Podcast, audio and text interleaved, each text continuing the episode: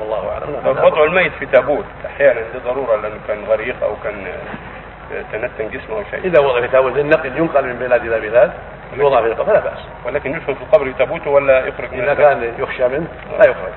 كان أنت يضره لو لو اخرجوه وأما إذا كان لا لا يضر يخرج ويوضع في اللحم. لا غير. لكن إذا كان قد يعني مضى عليه وقت لو أخرجوه لا اذن لا اذى الناس وشق عليهم ريحه يؤتى في تابوت. يكفي يكفي هذا نسال الله للجميع التوفيق صلاح النيه والعمل